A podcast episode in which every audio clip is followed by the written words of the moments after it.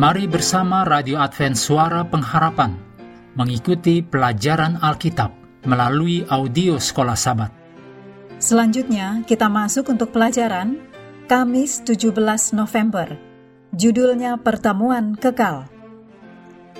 Mari kita mulai dengan doa singkat yang didasarkan dari Titus 3 ayat 7. Supaya kita sebagai orang yang dibenarkan oleh kasih karunia-Nya berhak menerima hidup yang kekal sesuai dengan pengharapan kita. Amin.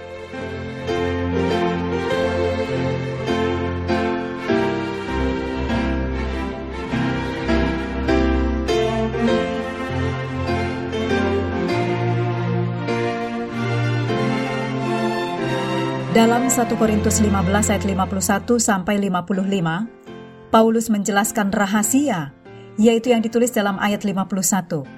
Sesungguhnya aku menyatakan kepadamu suatu rahasia. Kita tidak akan mati semuanya, tetapi kita semuanya akan diubah. Beberapa pengkhotbah populer berpendapat bahwa rahasia dalam 1 Korintus 15 ayat 51 adalah pengangkatan rahasia gereja, secret rapture, yang akan terjadi tujuh tahun sebelum kedatangan Kristus yang kedua kalinya. Dalam pengangkatan rahasia, secret rapture, orang-orang Kristen yang setia secara tiba-tiba, diam-diam dan tanpa diketahui, dibawa ke surga, sementara semua orang tetap di sini bertanya-tanya apa yang terjadi pada mereka Orang-orang mungkin tiba-tiba menemukan diri mereka berada di dalam mobil tanpa pengemudi, karena pengemudinya diangkat ke surga, yang tinggal hanyalah pakaian mereka. Ada 16 jilid serial Left Behind terlaris yang diubah menjadi empat film, mempromosikan ajaran palsu melalui kisah ini kepada jutaan orang Tentu saja tidak ada bagian Alkitab yang mendukung perbedaan buatan antara pengangkatan dan kedatangan kedua. Rahasia yang Paulus maksudkan adalah orang-orang benar yang hidup diubahkan untuk kemudian bergabung dengan orang-orang benar yang telah dibangkitkan pada kedatangan Kristus yang kedua kali. Inilah pengangkatan. Tapi tidak ada pengangkatan rahasia karena kedatangan kedua akan terlihat oleh semua manusia yang hidup. Ditulis dalam Wahyu 1 ayat 7. Dan baik kebangkitan orang benar yang mati maupun diubahnya orang benar yang hidup akan terjadi pada saat bunyi nafir yang terakhir saat Kristus kembali. Dicatat dalam 1 Korintus 15 ayat 51 dan 52. Kedatangan Kristus yang kedua kali akan membawa pertemuan yang paling menakjubkan yang pernah ada. Orang benar yang hidup diubahkan dalam sekejap mata. Ditulis dalam 1 Korintus 15 ayat 52. Dengan suara Tuhan, mereka dimuliakan.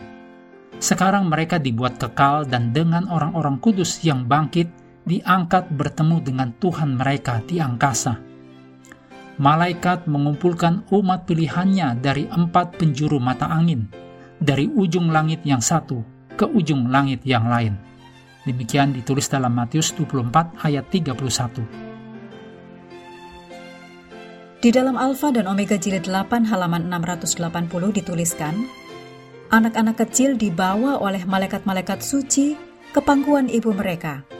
Teman-teman yang sudah lama dipisahkan kematian dipersatukan tidak pernah lagi akan berpisah, dan dengan nyanyian kesukaan naik bersama-sama ke dalam kota Allah. Ini adalah janji yang luar biasa, sesuatu yang sangat berbeda dari apa pun yang telah kita alami, sehingga sulit untuk dipahami. Pikirkan tentang luasnya alam semesta serta kerumitan kehidupan yang luar biasa di sini Penciptaan itu sendiri membuktikan kuasa Tuhan yang luar biasa. Semua ini mengajarkan kepada kita tentang kuasa Allah untuk mengubahkan yang hidup dan membangkitkan yang mati pada kedatangan Yesus yang kedua kali. Mengakhiri pelajaran hari ini, mari kembali kepada ayat hafalan kita, 1 Yohanes 5 ayat 11 sampai 12. Dan inilah kesaksian itu, Allah telah mengaruniakan hidup yang kekal kepada kita, dan hidup itu ada di dalam anaknya. Barang siapa memiliki anak, ia memiliki hidup. Barang siapa tidak memiliki anak, ia tidak memiliki hidup. Hendaklah kita terus tekun mengambil waktu bersekutu dengan Tuhan setiap hari bersama dengan seluruh anggota keluarga, baik melalui renungan harian, pelajaran sekolah sahabat, juga bacaan Alkitab sedunia percayalah kepada nabi-nabinya yang untuk hari ini melanjutkan dari 1 Raja-Raja pasal 17. Tuhan memberkati kita semua.